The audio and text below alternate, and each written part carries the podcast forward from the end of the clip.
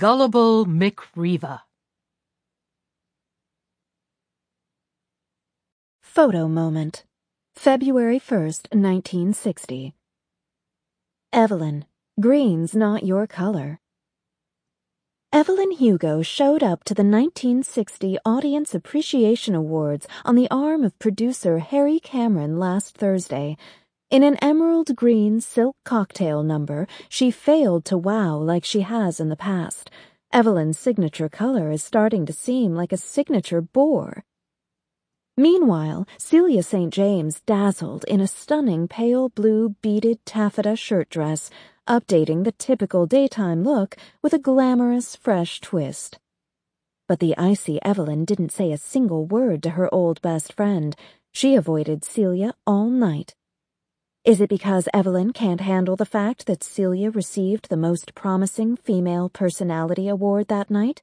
Or is it that Celia's been nominated for an Oscar for Best Supporting Actress for their movie Little Women, and Evelyn didn't get a mention? Looks like Evelyn Hugo's green with envy. Ari dropped me from any productions within Sunset and started offering to loan me out to Columbia.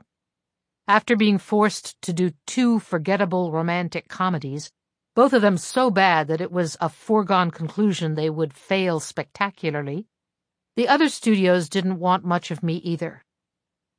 Don was on the cover of Life, gracefully coming out of the ocean onto the shore, smiling as if it was the best day of his life. When the 1960 Academy Awards came around, I was officially persona non grata. You know that I would take you, Harry said when he called that afternoon to check in on me. You just say the word and I'll come pick you up. I'm sure you have a stunning dress you can slip on, and I'll be the envy of everybody with you on my arm. I was at Celia's apartment getting ready to leave before her hair and makeup people came over. She was in the kitchen drinking lemon water, avoiding eating anything so she could fit into her dress. I know you would, I said into the phone. But you and I both know it would only hurt your reputation to be aligned with me right now. I do mean it, though, Harry said. I know you do, I said. But you also know I'm too smart to take you up on it. Harry laughed. Do my eyes look puffy? Celia asked when I got off the phone with Harry. She opened them bigger and stared at me as if this would help me answer the question. I saw barely anything out of the ordinary. They look gorgeous. And anyway, you know Gwen will make you look fabulous. What are you worried about? Oh, for heaven's sake, Evelyn, Celia said, teasing me. I think we all know what I'm worried about. I took her by the waist. She was wearing a thin satin slip, edged in lace.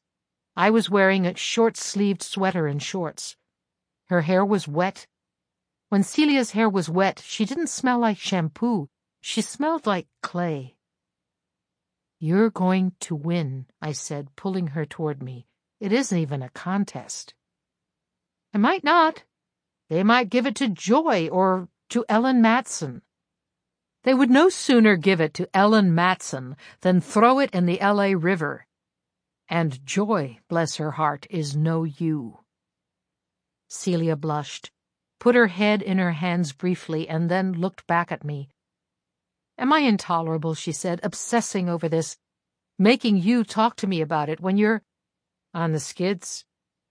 I was going to say blackballed, if you are intolerable, let me be the one to tolerate you, I said, and then I kissed her and tasted the lemon juice on her lips. I checked my watch, knowing that hair and makeup would be there any moment, and grabbed my keys. She and I had been taking great pains not to be seen together. It was one thing when we really were just friends, but now that we had something to hide, we had to start hiding it. I love you, I said. I believe in you. Break a leg. When my hand turned the doorknob, she called to me. If I don't win, she said, her wet hair dripping onto the spaghetti straps of her slip, will you still love me? I thought she was joking. until I looked directly into her eyes. You could be a nobody living in a cardboard box, and I'd still love you, I said. I'd never said that before. I'd never meant it before. Celia smiled wide. Me too. The cardboard box and all of it. Hours later, back at the home I used to share with Don but now could say was entirely my own, I made myself a Cape Codder sat on the couch and turned the TV to NBC, watching all my friends and the woman I loved walk the red carpet at the Pantages Theater. It all seems much more glamorous on screen. I hate to break it to you, but in person the theater is smaller, the people are paler, and the stage is less imposing. It's all curated to make the audience at home feel like outsiders, to make you feel like a fly on the wall of a club you aren't good enough to get into and I was surprised by how effective it was on me, how easy it was to fall for, even for a person who had just recently been at the very center of it. I was two cocktails in and drowning in self-pity by the time they announced Best Supporting Actress. But the minute the camera panned to Celia, I swear I sobered up and clasped my hands together as tightly as possible for her as if the harder I pressed them together, the higher her chances of winning.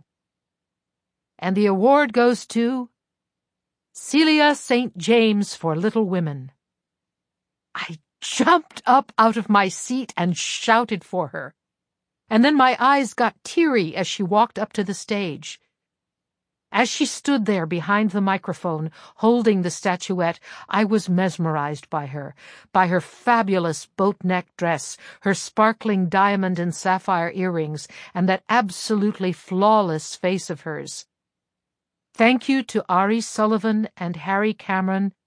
Thank you to my agent, Roger Colton, to my family, and to the amazing cast of women that I felt so lucky to be a part of, to Joy and Ruby, and to Evelyn Hugo, thank you. When she said my name, I swelled with pride and joy and love. I was so goddamn happy for her. And then I did something mortifyingly inane. I kissed the television set. I kissed her, right on her grayscale face. The clink I heard registered before the pain and as Celia waved to the crowd and then stepped away from the podium, I realized I chipped my tooth. But I didn't care. I was too happy, too excited to congratulate her and tell her how proud I was. I made another cocktail and forced myself to watch the rest of the spectacle. They announced Best Picture, and as the credits rolled, I turned off the TV. I knew that Harry and Celia would be out all night, so I shut off the lights and went upstairs to bed. I took off my makeup, I put on cold cream, I turned down the covers. I was lonely, living all alone.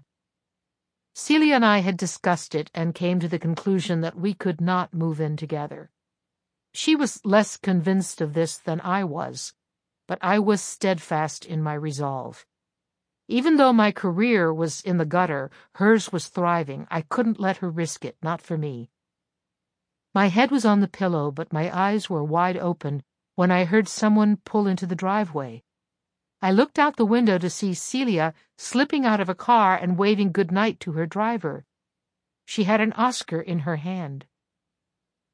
You look comfortable, Celia said once she'd made her way to me in the bedroom. Come here, I said to her. She'd had a glass or three. I loved her drunk. She was herself but happier, so bubbly I sometimes worried she'd float away. She took a running start and hopped into the bed. I kissed her. I'm so proud of you, darling. I missed you all night, she said. The Oscar was still in her hand, and I could tell it was heavy. She kept allowing it to tip over onto the mattress. The space for her name was blank. I don't know if I was supposed to take this one, she said, smiling, but I didn't want to give it back. Why aren't you out celebrating? You should be at the sunset party. I only wanted to celebrate with you. I pulled her closer to me. She kicked off her shoes. Nothing means anything without you, she said. Everything that isn't you is a pile of dog shit. I tossed my head back and laughed. What happened to your tooth? Celia asked. Is it that noticeable? Celia shrugged.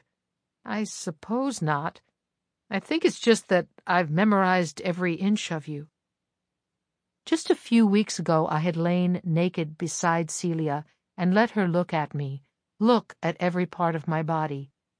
She had told me she wanted to remember every detail. She said it was like studying a Picasso. It's embarrassing, I told her now. Celia sat up, intrigued. I kissed the television screen, I said. When you won, I kissed you on the TV, and I chipped my tooth. Celia laughed so hard she cackled. The statuette fell back to the mattress with a thump, and then she rolled over on top of me and put her arms around my neck. That's the most lovable thing anyone has ever done since the dawn of man. I suppose I'll make a dentist appointment first thing tomorrow. I suppose you will. I picked up her Oscar. I stared at it. I wanted one myself. And if I had stuck it out with Don a little longer, I could have had one tonight. She was still in her dress, her heels long gone. Her hair was falling out of the pins. Her lipstick was faded. Her earrings still glistened. Have you ever made love to an Oscar winner? she said. I'd done something very close with Ari Sullivan, but I didn't think that was the time to tell her. And anyway, the spirit of the question was if I'd ever experienced a moment like that one. And I absolutely had not. I kissed her and felt her hands on my face, and then I watched as she stepped out of her dress and into my bed. Both of my movies flopped. A romance Celia did sold out theaters. Don starred in a hit thriller movie. Ruby Riley's reviews for Joker's Wild called her stunningly perfect and positively incomparable. I taught myself how to make meatloaf and iron my own slacks. And then I saw Breathless. I left the theater, went straight home, called Harry Cameron and said, I have an idea. I'm going to Paris. Celia was shooting a movie on location in Big Bear for three weeks. I knew that going with her wasn't an option, nor was visiting her on the set. She insisted she would come home every weekend, but it felt too risky. She was a single girl, after all.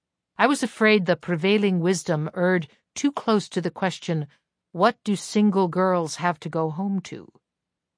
So I decided it was the right time to go to France. Harry had some connections to filmmakers in Paris. He made a few calls on the sly for me. Some of the producers and directors I met with knew who I was. Some of them were clearly seeing me just as a favor to Harry. And then there was Max Girard, an up-and-coming new wave director who had never heard of me before. You are une bombe, he said. We were sitting in a quiet bar in the Saint-Germain-des-Prés neighborhood of Paris. We huddled in a booth in the back. It was just after dinner time, and I hadn't had a chance to eat. Max was drinking a white Bordeaux. I had a glass of claret. That sounds like a compliment, I said, taking a sip. I don't know if I have before met a woman so attractive, he said, staring at me. His accent was so thick that I found myself leaning in to hear him. Thank you. You can act? he said. Better than I look. That cannot be so. It is. I saw Max's wheels start turning. Are you willing to test for a part? I was willing to scrub a toilet for a part. If the part is great, I said. Max smiled. This part is spectacular. This part is a movie star part. I nodded slowly. You have to restrain every part of your body when you are working hard not to look eager. Send me the pages and we'll talk, I said, and then I drank the last of my wine and stood up. I'm so sorry, Max, but I should go. Have a wonderful evening. Let's be in touch. There was absolutely no way I was going to sit at a bar with a man who hadn't heard of me and let him think I had all the time in the world. I could feel his eyes on me as I walked away, but I walked out the door with all the confidence I had, which, despite my current predicament, was quite a lot. And then I went back to my hotel room, put on my pajamas, ordered room service, and turned on the TV. Before I went to bed, I wrote Celia a letter. My dearest Cece, please never forget that the sun rises and sets with your smile. At least to me it does. You're the only thing on this planet worth worshipping. All my love, Edward. I folded it in half and tucked it into an envelope addressed to her. Then I turned out my light and closed my eyes. Three hours later, I was awakened by the jarring sound of a phone ringing on the table next to me. I picked it up, irritated and half asleep. Bonjour, I said. We can speak your language, Evelyn. Max's accented English reverberated through the phone. I am calling to see if you would be free to be in a movie I am shooting the week after next. Two weeks from now? Not even, quite. We are shooting six hours from Paris. You will do it? What is the part? How long is the shoot?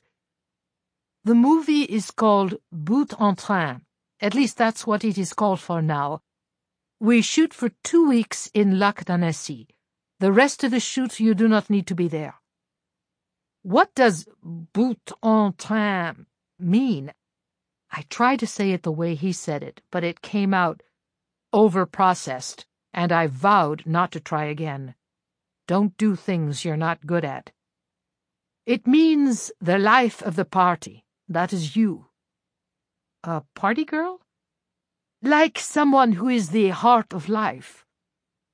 And my character? She is the kind of woman every man falls in love with. It was originally written for a French woman, but I have just decided tonight that if you will do it, I will fire her. That's not nice. She's not you.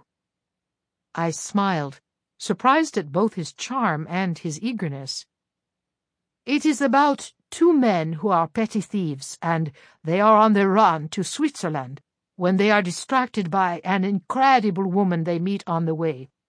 The three of them go for an adventure in the mountains. I've been sitting here with my pages, trying to decide if this woman can be American. And I think she can. I think it's more interesting that way. It is a stroke of luck to meet you at this time, so you will do it? Let me sleep on it, I said. I knew I was going to take the part. It was the only part I could get, but you never get anywhere good by seeming amenable. Yes, Max said. Of course, you have done nudity before, yes? No, I said. I think you should be topless in the film. If I was going to be asked to show my breasts, wouldn't it be for a French film? And if the French were going to ask anyone, shouldn't it be me? I knew what got me famous the first time. I knew what it could do a second time. Why don't we discuss it tomorrow? I said. Let's talk tomorrow morning, he said, because this other actress I have, she will show her breasts, Evelyn. It's late, Max. I'll ring you in the morning. And I hung up the phone. I closed my eyes and breathed in deeply, considering both how beneath me this opportunity was and how lucky I was to be given it. It's a hard business reconciling what the truth used to be with what the truth is now. Luckily, I didn't have to do it for very long. Two weeks later, I was back on a film set, and this time I was free of all the buttoned up, innocent girl stuff that Sunset had pinned on me. This time I was able to do whatever I wanted. It was clear for the entire shoot that Max wanted nothing more than to possess me himself. I could tell by the way he looked at me in stolen glances that part of my allure to Max the director was my allure to him as a man. When Max came to my dressing room on the second to last day of filming, he said, Ma belle, aujourd'hui tu seras seins nus.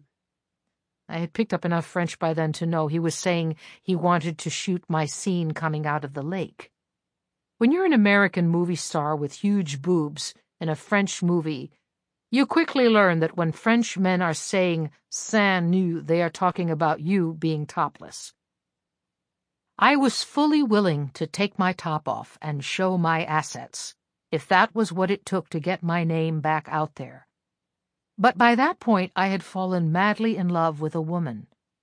I had grown to desire her with every fiber of myself. I knew the pleasure of finding delight in a woman's naked body. So I told Max I'd shoot it however he wanted, but that I had a suggestion that might make the movie even more of a sensation. I knew my idea was a good one because I knew how it felt to want to tear a woman's shirt off. And when Max heard it, he knew it was a good one, because he knew how it felt to want to tear my shirt off.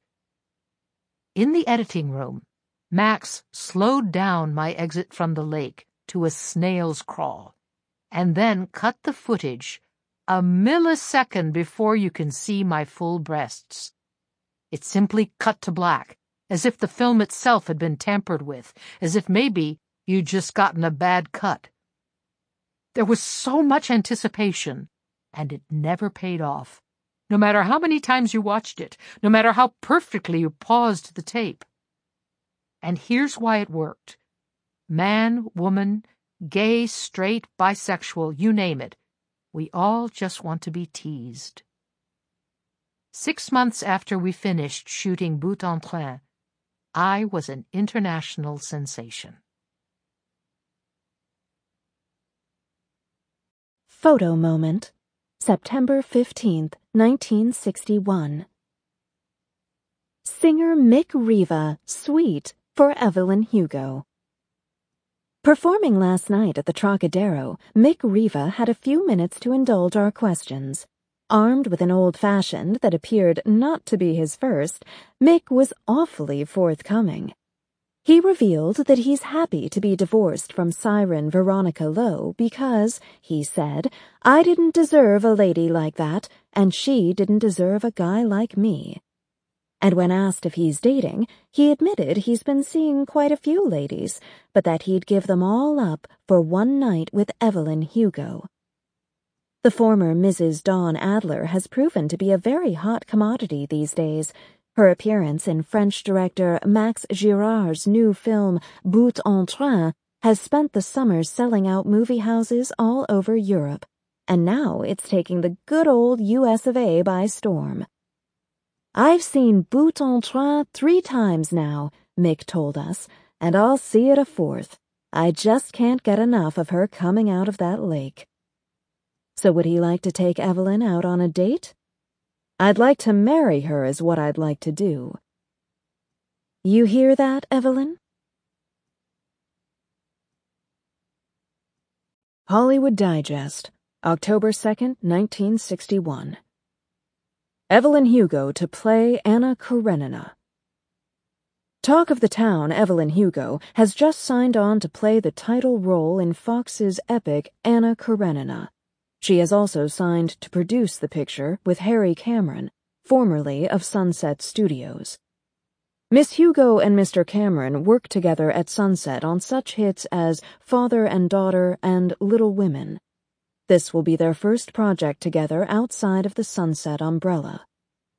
Mr. Cameron, who has made a name for himself in the biz for his great taste and even greater business acumen, is said to have left Sunset over differences with none other than studio head Ari Sullivan. But it appears Fox is eager to be in business with both Miss Hugo and Mr. Cameron, as they have ponied up a substantial fee and a stake in the box office.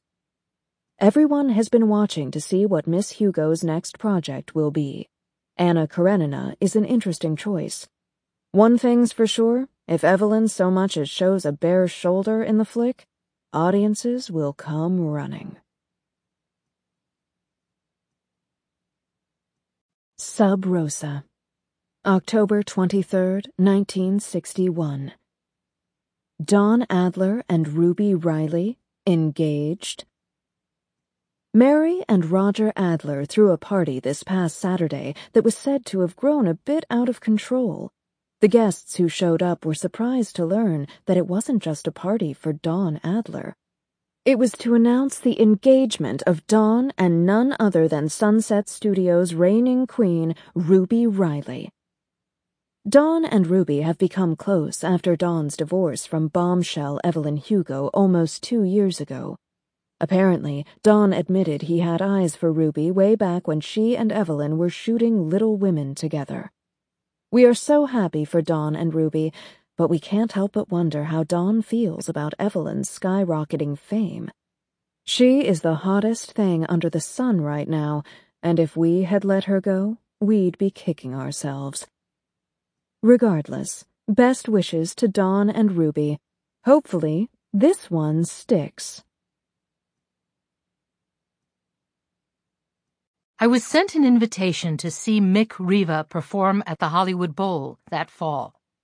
I decided to go, not because I cared about seeing Mick Riva, but because an evening outside sounded fun. And I wasn't above courting the tabloids. Celia, Harry, and I decided to go together. I would never have gone with just Celia, not with that many eyes on us, but Harry was a perfect buffer. That night, the air in LA was cooler than I had anticipated. I was wearing capri pants and a short-sleeved sweater. I had just gotten bangs and had started sweeping them to the side. Celia had on a blue shift dress and flats. Harry, dapper as ever, was wearing slacks and a short-sleeved Oxford shirt. He held a camel-colored knit cardigan with oversized buttons in his hand, ready for any of us who were too cold. We sat in the second row, with a couple of Harry's producer friends from Paramount.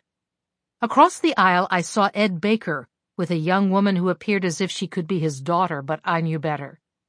I decided not to say hi, not only because he was still a part of the Sunset machine, but also because I never liked him. Mick Riva took the stage, and the women in the crowd started cheering so loudly that Celia actually put her hands over her ears. He was wearing a dark suit with a loose tie. His jet black hair was combed back but just slightly disheveled. If I had to guess, I'd say he'd had a drink or two backstage, but it didn't seem to slow him down in the slightest.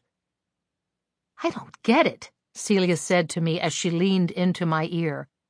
What do they see in the sky? I shrugged. He's handsome, I suppose. Mick walked up to the microphone, the spotlight following him. He grabbed the mic stand with both passion and softness, as if it were one of the many girls yelling his name. And he knows what he's doing, I said. Celia shrugged. I'd take Brick Thomas over him any day. I shook my head, cringing. No. Brick Thomas is a heel, trust me. If you met him, within five seconds you'd be gagging. Celia laughed. I think he's cute. No, you don't, I said. Well, I think he's cuter than Mick Riva, she said. Harry, thoughts? Harry leaned in from the other side. He whispered so softly I almost didn't hear him. I'm embarrassed to admit I have something in common with these shrieking girls, he said. I would not kick Mick out of bed for eating crackers. Celia laughed. You are too much, I said, as I watched Mick walk from one end of the stage to the other, crooning and smoldering. Where are we eating after this? I asked them both. That's the real question. Don't we have to go backstage? Celia asked. Isn't that the polite thing to do? Mick's first song ended and everyone started clapping and cheering. Harry leaned over me as he clapped so Celia could hear him. You won an Oscar, Celia, he said. You can do whatever the hell you want. She threw her head back and laughed as she clapped. Well, then, I want to go get a steak. Steak it is, I said. I don't know whether it was the laughing or the cheering or the clapping. There was so much noise around me, so much chaos from the crowd. But for one fleeting moment, I forgot myself. I forgot where I was. I forgot who I was. I forgot who I was with. And I grabbed Celia's hand and held it. She looked down, surprised. I could feel Harry's gaze on our hands, too.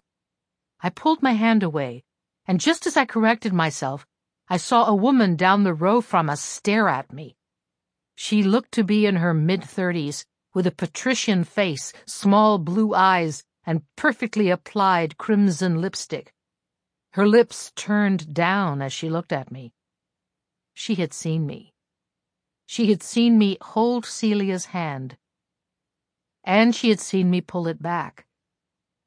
She knew both what I had done and that I had not meant for her to have seen it. Her small eyes got smaller as she stared at me. And any hope I had that she did not realize who I was went right out the window when she turned to the man next to her, probably her husband, and whispered in his ear. I watched as his gaze moved from Mick Riva to me. There was a subtle disgust in his eyes, as if he was unsure if what he suspected was true, but that the thought in his head made him nauseated, and it was my fault for putting it there. I wanted to slap both of them across their faces and tell them that what I did was none of their business. But I knew I couldn't do that.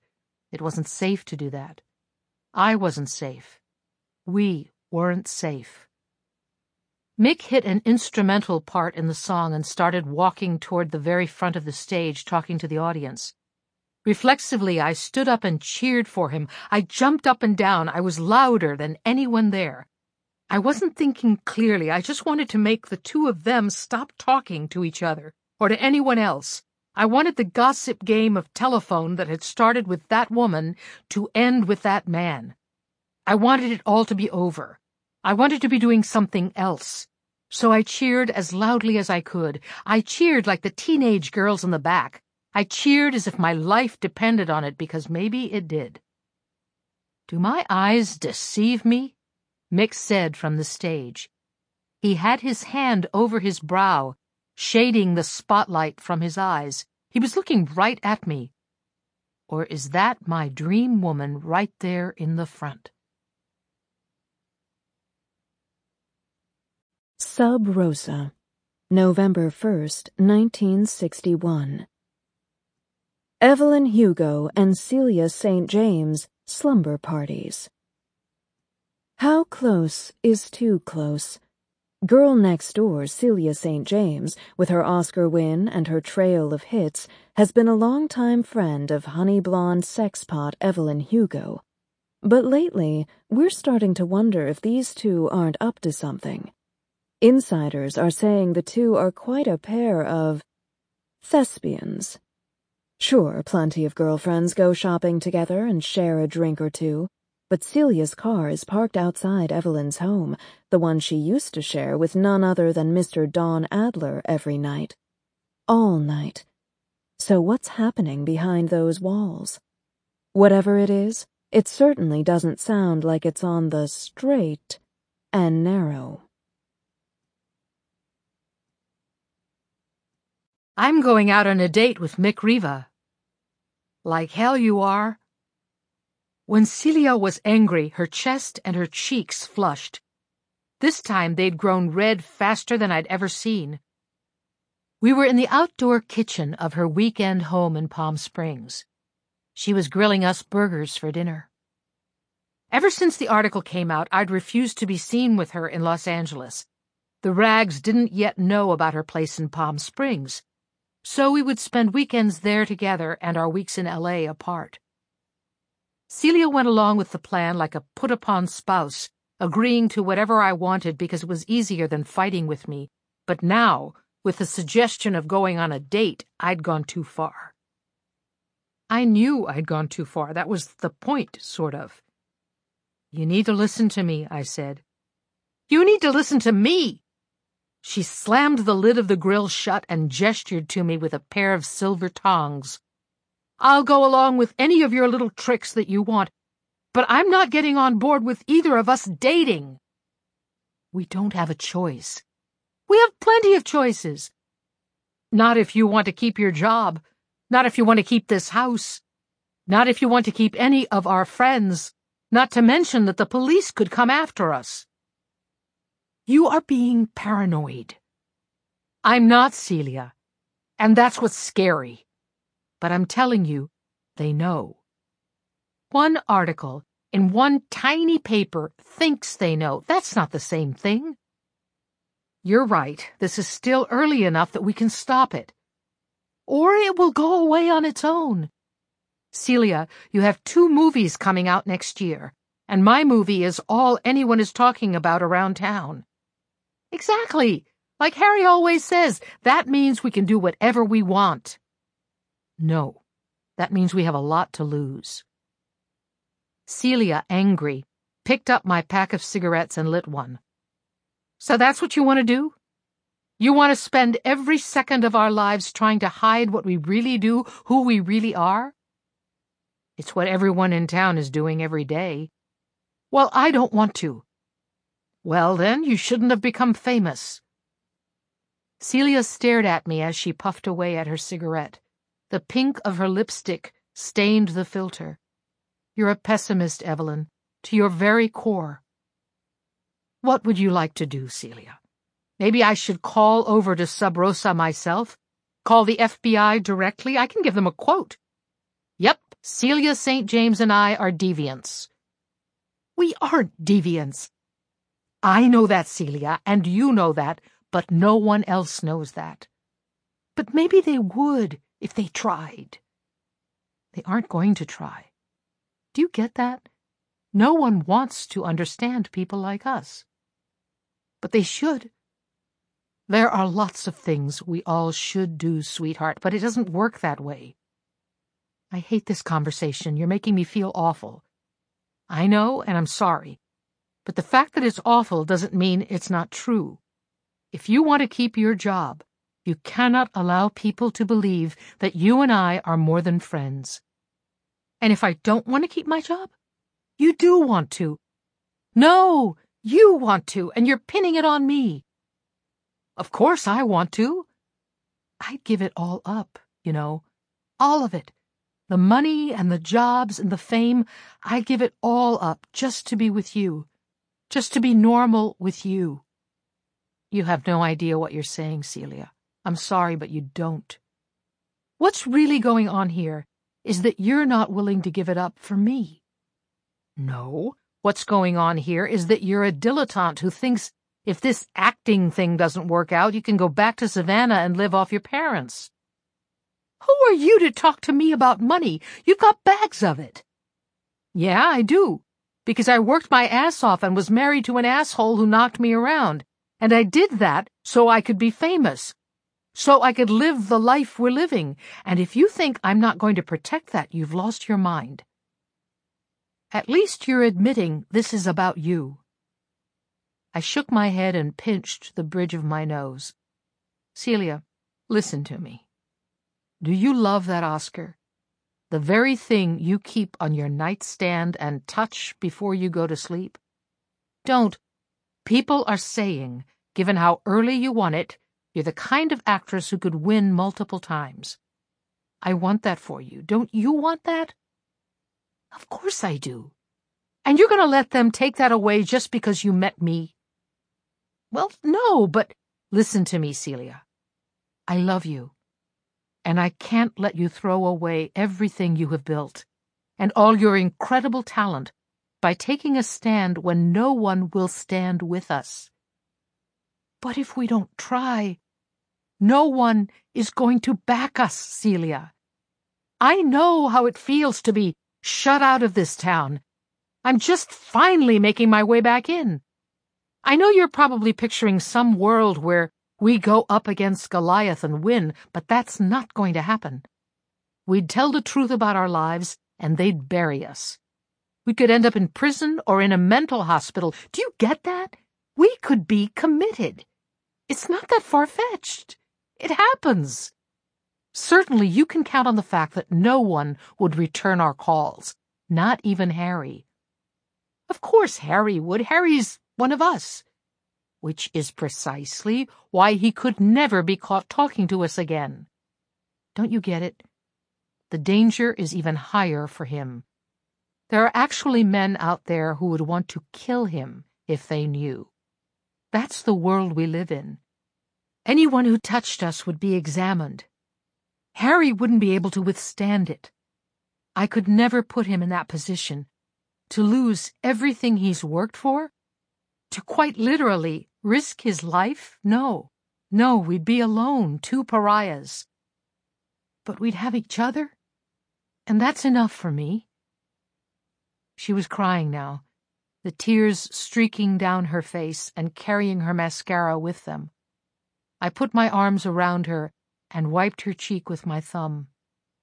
I love you so much, sweetheart, so, so much. And it's in part because of things like that.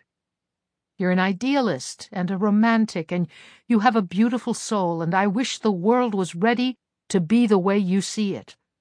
I wish that the rest of the people on earth with us were capable of living up to your expectations, but they aren't. The world is ugly, and no one wants to give anyone the benefit of the doubt about anything. When we lose our work and our reputations, when we lose our friends and eventually what money we have, we will be destitute. I've lived that life before, and I cannot let it happen to you. I will do whatever I can to prevent you from living that way, do you hear me? I love you too much to let you live only for me. She heaved into my body, her tears growing inside her. For a moment I thought she might flood the backyard. I love you, she said. I love you too, I whispered into her ear. I love you more than anything else in the entire world. It's not wrong, Celia said. It shouldn't be wrong to love you. How can it be wrong? It's not wrong, sweetheart, it's not, I said. They are wrong. She nodded into my shoulder and held me tighter. I rubbed her back. I smelled her hair. It's just that there's not much we can do about it, I said. When she calmed down, she pulled away from me and opened the grill again. She did not look at me as she flipped the burgers. So what is your plan? she said. I'm going to get Mick Riva to elope with me. Her eyes, which already looked sore from crying, started to bloom again. She wiped a tear away, keeping her eyes on the grill. What does that mean for us? she said. I stood behind her and put my arms around her. It doesn't mean what you think it means.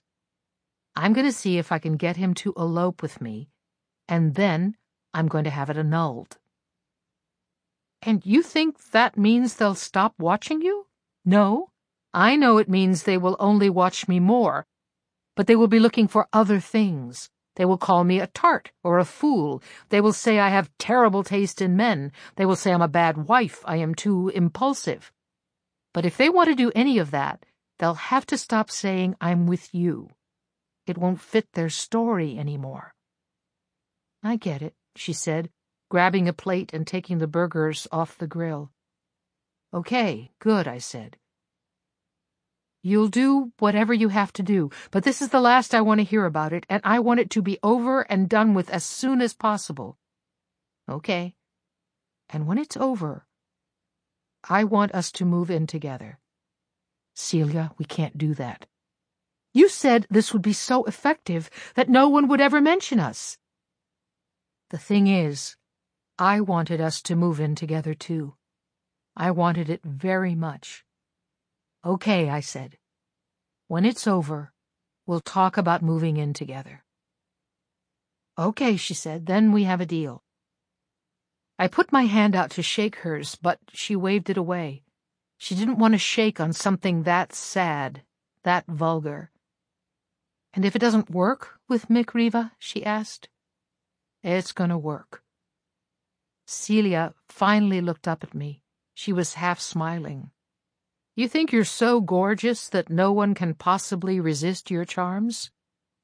Yes, actually.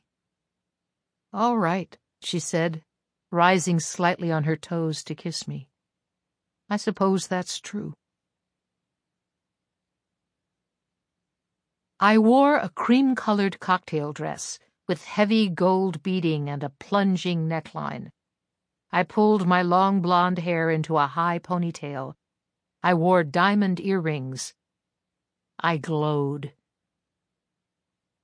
The first thing you need to do to get a man to elope with you is to challenge him to go to Las Vegas.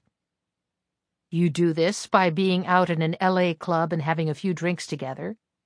You ignore the impulse to roll your eyes at how eager he is to have his picture taken with you. You recognize that everyone is playing everyone else. It's only fair that he's playing you at the same time as you're playing him. You reconcile these facts by realizing that what you both want from each other is complementary. You want a scandal. He wants the world to know he screwed you. The two things are one and the same. You consider laying it out for him, explaining what you want, explaining what you're willing to give him. But you've been famous long enough to know that you never tell anyone anything more than you have to. So instead of saying, I'd like us to make tomorrow's papers, you say, Mick, have you ever been to Vegas? When he scoffs as if he can't believe you're asking him if he's ever been to Vegas, you know this will be easier than you thought. Sometimes I just get in the mood to roll dice, you know, you say. Sexual implications are better when they are gradual, when they snowball over time. You want to roll dice, baby, he says, and you nod. But it's probably too late, you say, and we're already here, and here's okay, I suppose. I'm having a fine time. My guys can call a plane and have us there like that, he snaps his fingers. No, you say, that's too much. Not for you, he says. Nothing is too much for you. You know what he really means is, nothing is too much for me. You could really do that, you say? An hour and a half later, you're on a plane. You have a few drinks, you sit in his lap, you let his hand wander and you slap it back. He has to ache for you and believe there is only one way to have you. If he doesn't want you enough, if he believes he can get you another way, it's all over, you've lost. When the plane lands and he asks if the two of you should book a room at the Sands, you must demur. You must be shocked. You must tell him in a voice that makes it clear you assumed he already knew that you don't have sex outside of marriage. You must seem both steadfast and heartbroken about this. He must think, she wants me, and the only way we can make it happen is to get married. For a moment you consider the idea that what you're doing is unkind. But then you remember that this man is going to bed you and then divorce you once he's gotten what he wants, so no one is a saint here. You're going to give him what he's asking for, so it's a fair trade. You go to the craps table and play a couple of rounds. You keep losing at first, as does he, and you worry that this is sobering both of you. You know the key to impulsivity is believing you are invincible, no one goes around throwing caution to the wind unless the wind is blowing their way. You drink champagne because it makes everything seem celebratory. It makes tonight seem like an event. When people recognize the two of you, you happily agree to get your picture taken with them. Every time it happens, you hang on to him. You are telling him in no small way, this is what it could be like if I belonged to you. You hit a winning streak at the roulette table. You cheer so ebulliently that you jump up and down. You do this because you know where his eyes are going to go. You let him catch you catching him.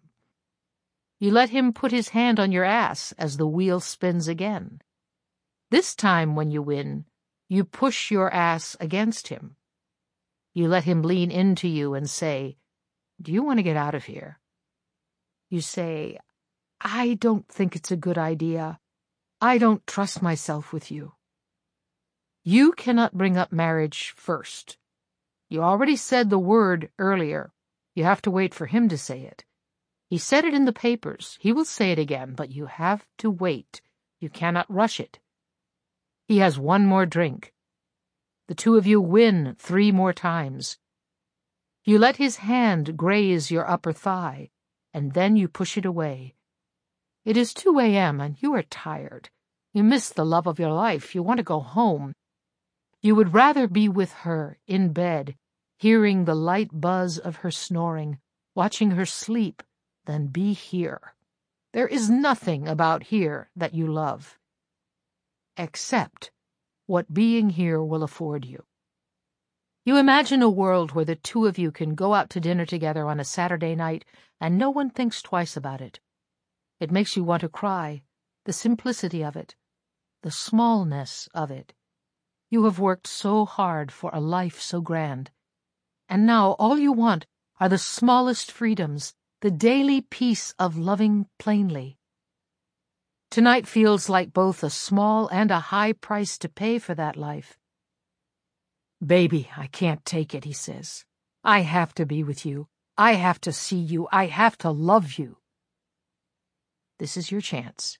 You have a fish on the line, and you have to gently reel him in. Oh, Mick, you say, we can't. We can't.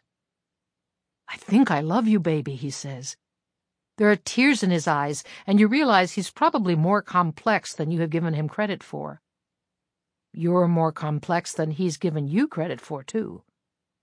Do you mean it? You ask him, as if you desperately hope it's true. I think I do, baby, I do. I love everything about you. We only just met, but I feel like I can't live without you.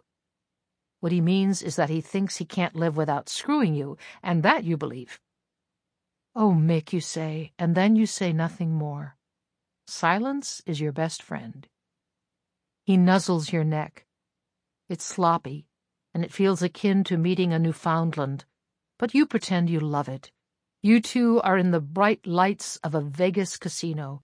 People can see you. You have to pretend that you do not notice them. That way tomorrow, when they talk to the papers, they will say that the two of you were carrying on like a couple of teenagers. You hope that Celia doesn't pick up a single rag with your face on it. You think she's smart enough not to. You think she knows how to protect herself, but you can't be sure. The first thing you're going to do when you get home, when this is all over, is to make sure she knows how important she is, how beautiful she is, how much you feel your life would be over if she were not in it. Let's get married, baby, he says into your ear. There it is. For you to grab. But you can't look too eager. Mick, are you crazy? You make me this crazy. We can't get married, you say. And when he doesn't say anything back for a second, you worry that you've pushed slightly too far. Or can we, you ask? I mean, I suppose we could. Of course we can, he says. We're on top of the world. We can do anything we want. You throw your arms around him and you press against him to let him know how excited, how surprised you are by this idea and to remind him what he's doing it for. You know your value to him. It would be silly to waste an opportunity to remind him. He picks you up and sweeps you away. You whoop and holler so everyone looks. Tomorrow they will tell the papers he carried you off. It's memorable. They will remember it. Forty minutes later, the two of you are drunk and standing in front of each other at an altar. He promises to love you forever. You promise to obey. He carries you over the threshold of the nicest room at the Tropicana. You giggle with fake surprise when he throws you onto the bed. And now, here comes the second most important part. You cannot be a good lay. You must disappoint. If he likes it, he'll want to do it again. And you can't do that. You can't do this more than once. It will break your heart. When he tries to rip your dress off, you have to say, Stop, Mick. Christ, get a hold of yourself.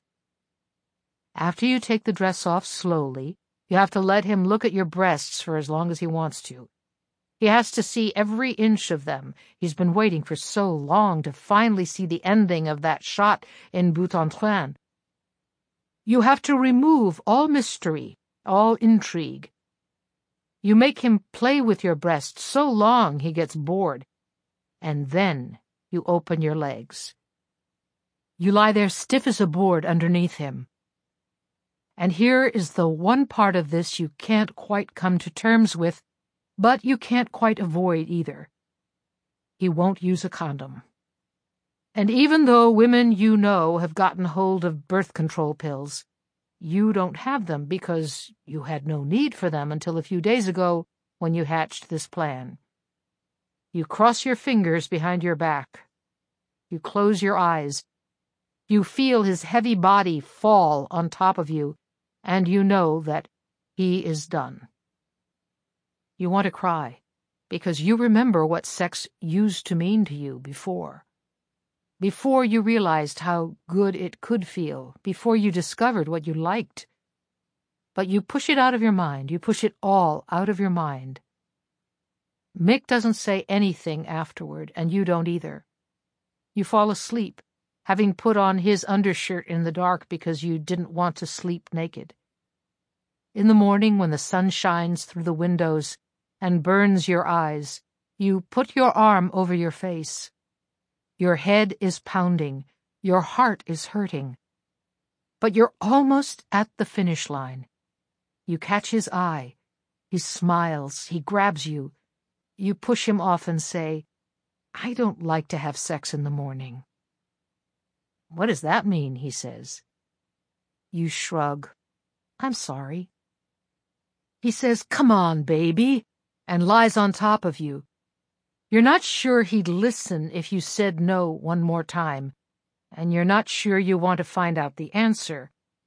You're not sure you could bear it. Okay, fine if you have to, you say, and when he lifts himself off you and looks you in the eye, you realize it has accomplished what you had hoped. You have taken all the fun out of it for him. He shakes his head. He gets out of bed. He says, You know, you're nothing like I imagined. It doesn't matter how gorgeous a woman is to a man like Mick Riva. She's always less attractive after he's had sex with her. You know this. You allow it to happen. You do not fix your hair. You pick at the mascara flakes on your face. You watch Mick step into the bathroom. You hear him turn on the shower. When he comes out, he sits down next to you on the bed. He is clean. You have not bathed. He smells like soap. You smell like booze. He is sitting up. You are lying down.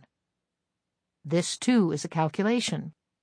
He has to feel like the power is all his. Honey, I had a great time, he says. You nod. But we were so drunk. He speaks as if he's talking to a child. Both of us. We had no idea what we were doing. I know, you say. It was a crazy thing to do. I'm not a good guy, baby, he says. You don't deserve a guy like me. I don't deserve a girl like you. It's just so unoriginal and laughably transparent, feeding you the same line he fed the papers about his last wife. What are you saying, you ask? You put a little spin into it. You make it sound like you might start crying. You have to do this because it is what most women would do. And you have to appear to him the way he sees most women. You have to appear to have been outsmarted. I think we should call our people, baby. I think we should get an annulment. But Mick, he cuts you off and it makes you mad because you really did have more to say. It's better this way, honey. I'm afraid I can't take no for an answer. You wonder what it must be like to be a man, to be so confident that the final say is yours. When he gets up off the bed and grabs his jacket, you realize there's an element of this that you hadn't accounted for. He likes to reject. He likes to condescend. When he was calculating his moves last night, he was thinking of this moment too. This moment where he gets to leave you. So you do something you hadn't rehearsed in your mind. When he gets to the door and turns to you and says, I'm sorry it didn't work out between us, baby, but I wish you all the best. You pick up the phone on the side of the bed and throw it at him. You do it because you know he'll like it. Because he's given you everything you came for. You should give him everything he came for. He ducks and frowns at you as if you're a small deer he has to leave in the forest. You start crying, and then he's gone. And you stop. And you think, if only they gave out Oscars for this shit. Photo moment. December 4th, 1961. Riva and Hugo lose their minds. Heard of a quickie wedding? How about a quickie marriage? Well, this one takes the cake. Bombshell Evelyn Hugo was spotted in the lap of none other than her biggest fan, Mick Riva, last Friday night in the heart of Las Vegas.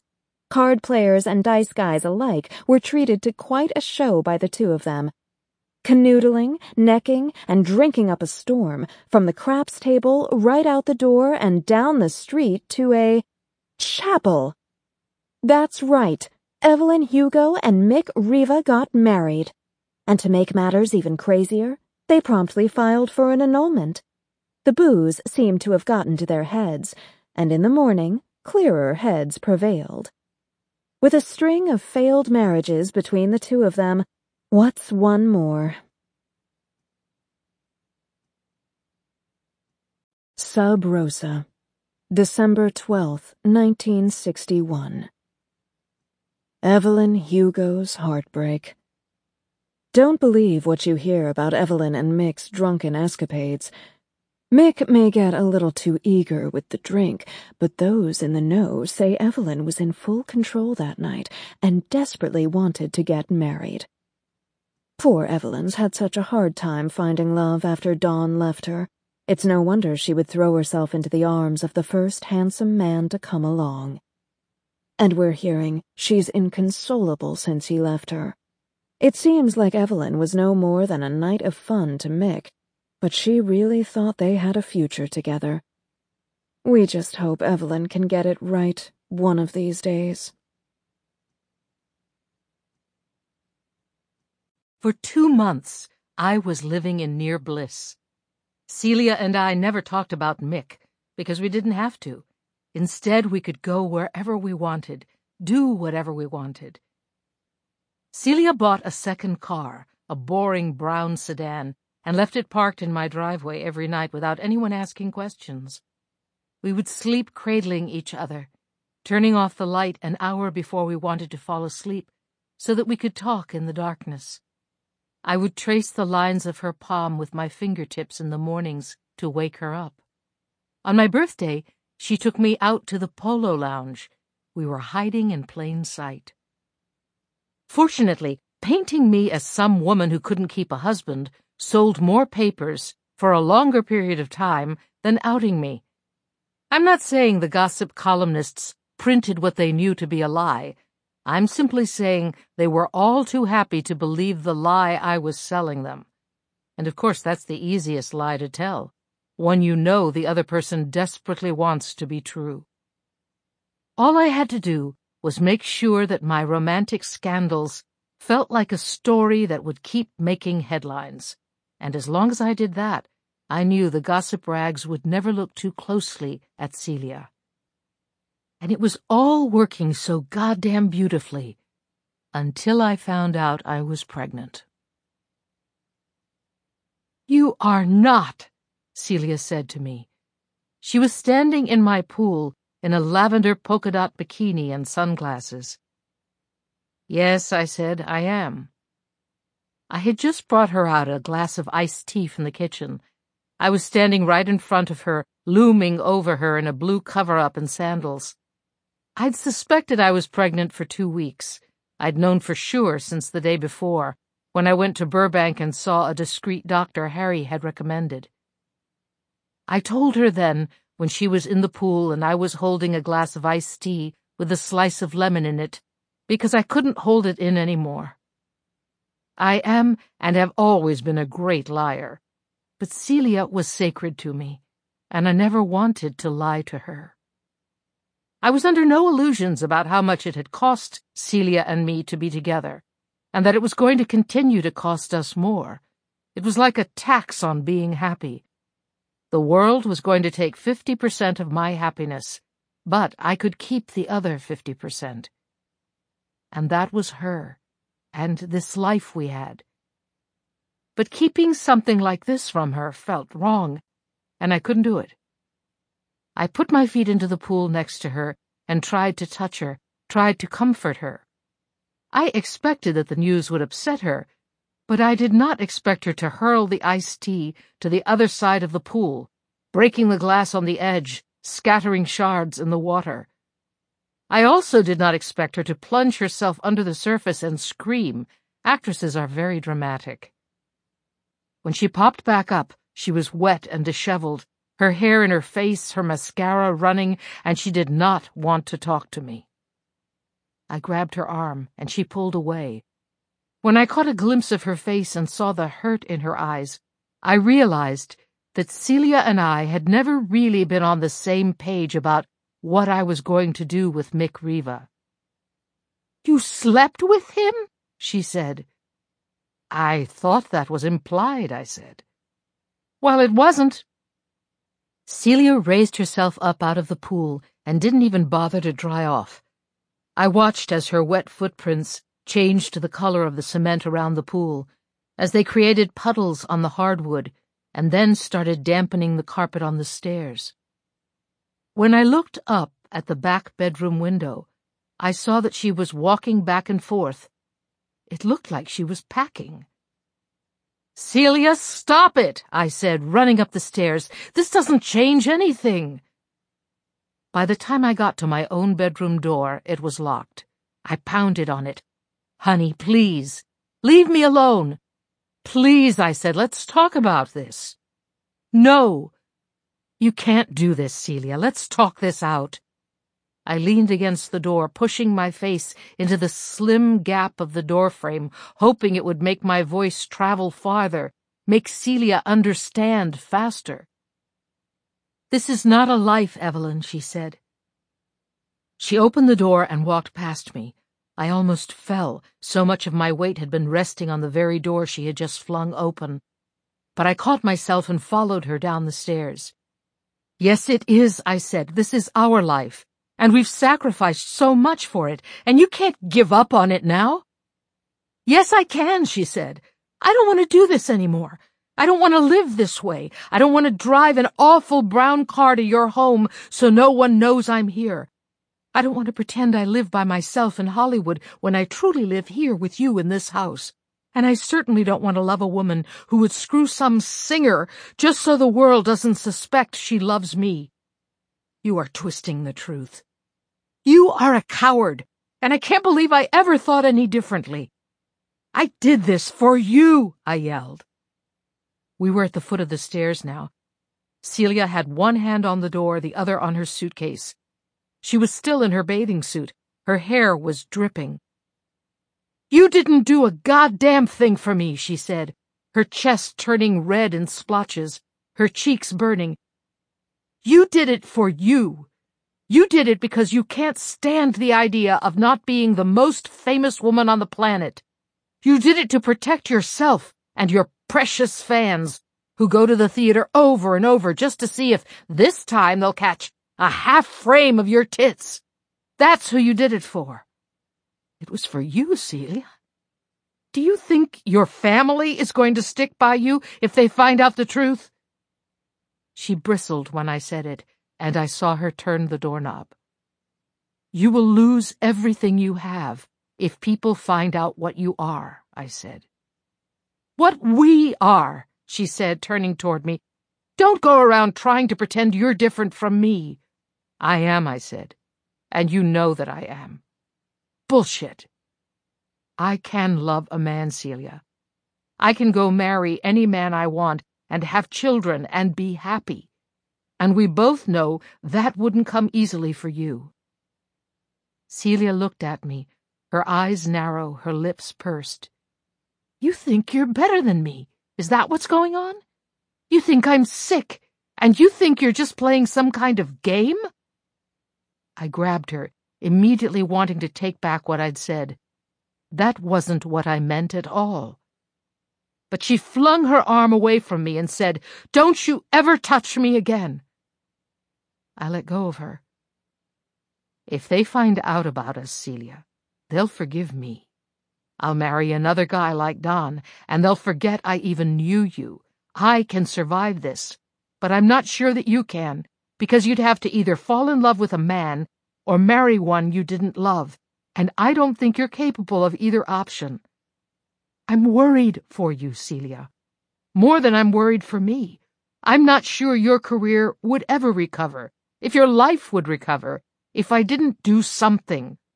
So I did the only thing I knew. And it worked. It didn't work, Evelyn. You're pregnant. I will take care of it.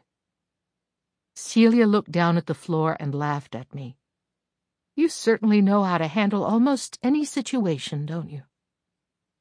Yes, I said, unsure why I was supposed to be insulted by that. I do. And yet, when it comes to being a human, you seem to have absolutely no idea where to start. You don't mean that. You are a whore, Evelyn. You let men screw you for fame, and that is why I'm leaving you. She opened the door to leave, not even looking back at me. I watched her walk out to my front stoop, down the stairs and over to her car. I followed her out and stood, frozen in the driveway. She threw her bag into the passenger's side of her car, and then she opened the door on the driver's side and stood there. I loved you so much that I thought you were the meaning of my life, Celia said, crying. I thought that people were put on earth to find other people, and I was put here to find you. To find you and touch your skin and smell your breath and hear all your thoughts. But I don't think that's true anymore. She wiped her eyes. Because I don't want to be meant for someone like you. The searing pain in my chest felt like water boiling. You know what? You're right. You aren't meant for someone like me, I said finally, because I'm willing to do what it takes to make a world for us, and you're too chicken shit. You won't make the hard decisions. You aren't willing to do the ugly stuff, and I've always known that. But I thought you'd at least have the decency to admit you need someone like me. You need someone who will get her hands dirty to protect you, you want to play like you're all high and mighty all the time. Well, try doing that without someone in the trenches protecting you. Celia's face was stoic, frozen. I wasn't sure she'd heard a single word I'd said. I guess we aren't as right for each other as we thought, she said, and then she got into her car. It wasn't until that moment, with her hand on the steering wheel, that I realized this was really happening that this wasn't just a fight we were having, that this was the fight that would end us. It had all been going so well and had turned so quickly in the other direction, like a hairpin turn off the freeway. I guess not, was all I could say. It came out like a croak, the vowels cracking. Celia started the car and put it in reverse. Goodbye, Evelyn she said at the very last minute. Then she backed out of my driveway and disappeared down the road. I walked into my house and started cleaning up the puddles of water she'd left. I called a service to come and drain the pool and clean the shards of glass from her iced tea. And then I called Harry. Three days later, he drove with me to Tijuana, where no one would ask any questions. It was a set of moments that I tried not to be mentally present for, so that I would never have to work to forget them. I was relieved, walking back to the car after the procedure, that I had become so good at compartmentalization and disassociation. May it make its way to the record books that I never regretted, not for one minute, ending that pregnancy. It was the right decision. On that I never wavered. But still I cried the whole way home, while Harry drove us through San Diego and along the California coastline. I cried because of everything I had lost and all the decisions I had made. I cried because I was supposed to start Anna Karenina on Monday, and I didn't care about acting or accolades. I wished I'd never needed a reason to be in Mexico in the first place, and I desperately wanted Celia to call me, crying, telling me how wrong she'd been. I wanted her to show up on my doorstep and beg to come home. I wanted her. I just wanted her back. As we were coming off the San Diego freeway, I asked Harry the question that had been running through my mind for days. Do you think I'm a whore? Harry pulled over to the side of the road and turned to me. I think you're brilliant. I think you're tough. And I think the word whore is something ignorant people throw around when they have nothing else. I listened to him and then turned my head to look out the window. Isn't it awfully convenient, Harry added, that when men make the rules, the one thing that's looked down on the most is the one thing that would bear them the greatest threat? Imagine if every single woman on the planet wanted something in exchange when she gave up her body. You'd all be ruling the place, an armed populace. Only men like me would stand a chance against you, and that's the last thing those assholes want, a world run by people like you and me. I laughed, my eyes still puffy and tired from crying. So am I a whore or not? Who knows, he said. We're all whores, really, in some way or another, at least in Hollywood. Look, there's a reason she's Celia St. James. She's been playing that good girl routine for years. The rest of us aren't so pure. But I like you this way. I like you impure and scrappy and formidable. I like the Evelyn Hugo who sees the world for what it is, and then goes out there and wrestles what she wants out of it. So, you know, put whatever label you want on it, just don't change. That would be the real tragedy. When we got to my house, Harry tucked me into bed and then went downstairs and made me dinner. That night he slept in the bed next to me, and when I woke up, he was opening the blinds.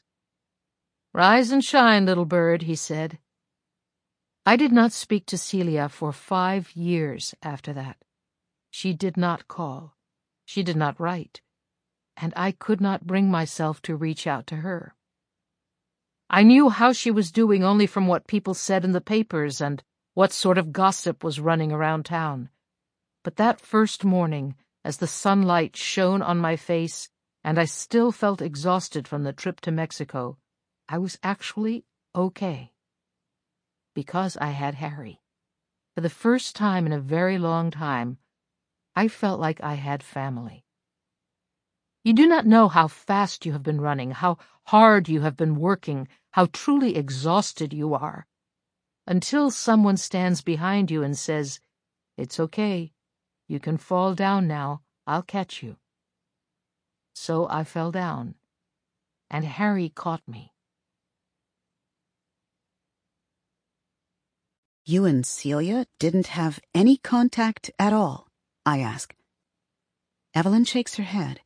She stands up and walks over to the window and opens it a crack. The breeze that streams in is welcome. When she sits back down, she looks at me, ready to move on to something else, but I'm too baffled. How long were the two of you together by that point? Three years, Evelyn says. Mm, just about. And she just left? Without another word? Evelyn nods. Did you try to call her? She shakes her head.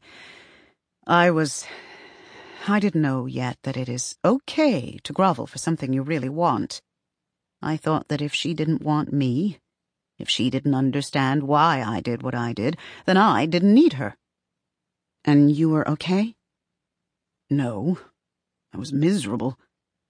I was hung up on her for years. I mean, sure, I spent my time having fun, don't get me wrong. But Celia was nowhere in sight.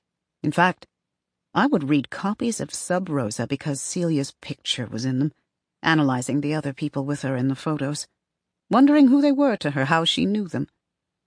I know now that she was just as heartbroken as I was, that somewhere in her head she was waiting for me to call her and apologize. But at the time, I just ached all alone. Do you regret that you didn't call her? I asked her. That you lost that time? Evelyn looks at me as if I am stupid. She's gone now, Evelyn says. The love of my life is gone, and I can't just call her and say I'm sorry and have her come back. She's gone forever. So yes, Monique, that is something I do regret. I regret every second I didn't spend with her. I regret every stupid thing I did that caused her an ounce of pain. I should have chased her down the street the day she left me. I should have begged her to stay. I should have apologized and sent roses and stood on the top of the Hollywood sign and shouted, I'm in love with Celia St. James, and let them crucify me for it. That's what I should have done. And now that I don't have her, and I have more money than I could ever use in this lifetime, and my name is cemented in Hollywood history, and I know how hollow it is. I am kicking myself for every single second. I chose it over loving her proudly. But that's a luxury. You can do that when you're rich and famous. You can decide that wealth and renown are worthless when you have them. Back then, I still thought I had all the time I needed to do everything I wanted. That if I just played my cards right, I could have it all. You thought she'd come back to you, I say. I knew she'd come back to me, Evelyn says. And she knew it too. We both knew our time wasn't over. I hear the distinct sound of my phone, but it isn't the familiar tone of a regular text message. It is the beep I set just for David last year when I got the phone, just after we were married, when it never occurred to me that he'd ever stop texting. I looked down briefly to see his name, and beneath it, I think we should talk. This is too huge, M. It's happening too fast. We have to talk about it. I put it out of my mind instantly. So, you knew she was coming back to you, but you married Rex North anyway, I ask, refocused. Evelyn lowers her head for a moment, preparing to explain herself. Anna Karenina was way over budget. We were weeks behind schedule. Rex was Count Vronsky. By the time the director's cut came in, we knew the entire thing had to be re-edited, and we needed to bring someone else in to save it. And you had a stake in the box office. Both Harry and I did. It was his first movie after leaving Sunset Studios. If it flopped, he would have a hard time getting another meeting in town. And you? What would have happened to you if it flopped? If my first project after Boute-en-Train didn't do well, I was worried I'd be a flash in the pan. I'd risen from ashes more than once by that point, but I didn't want to have to do it again. So I did the one thing I knew would get people desperate to see the movie. I married Count Vronsky.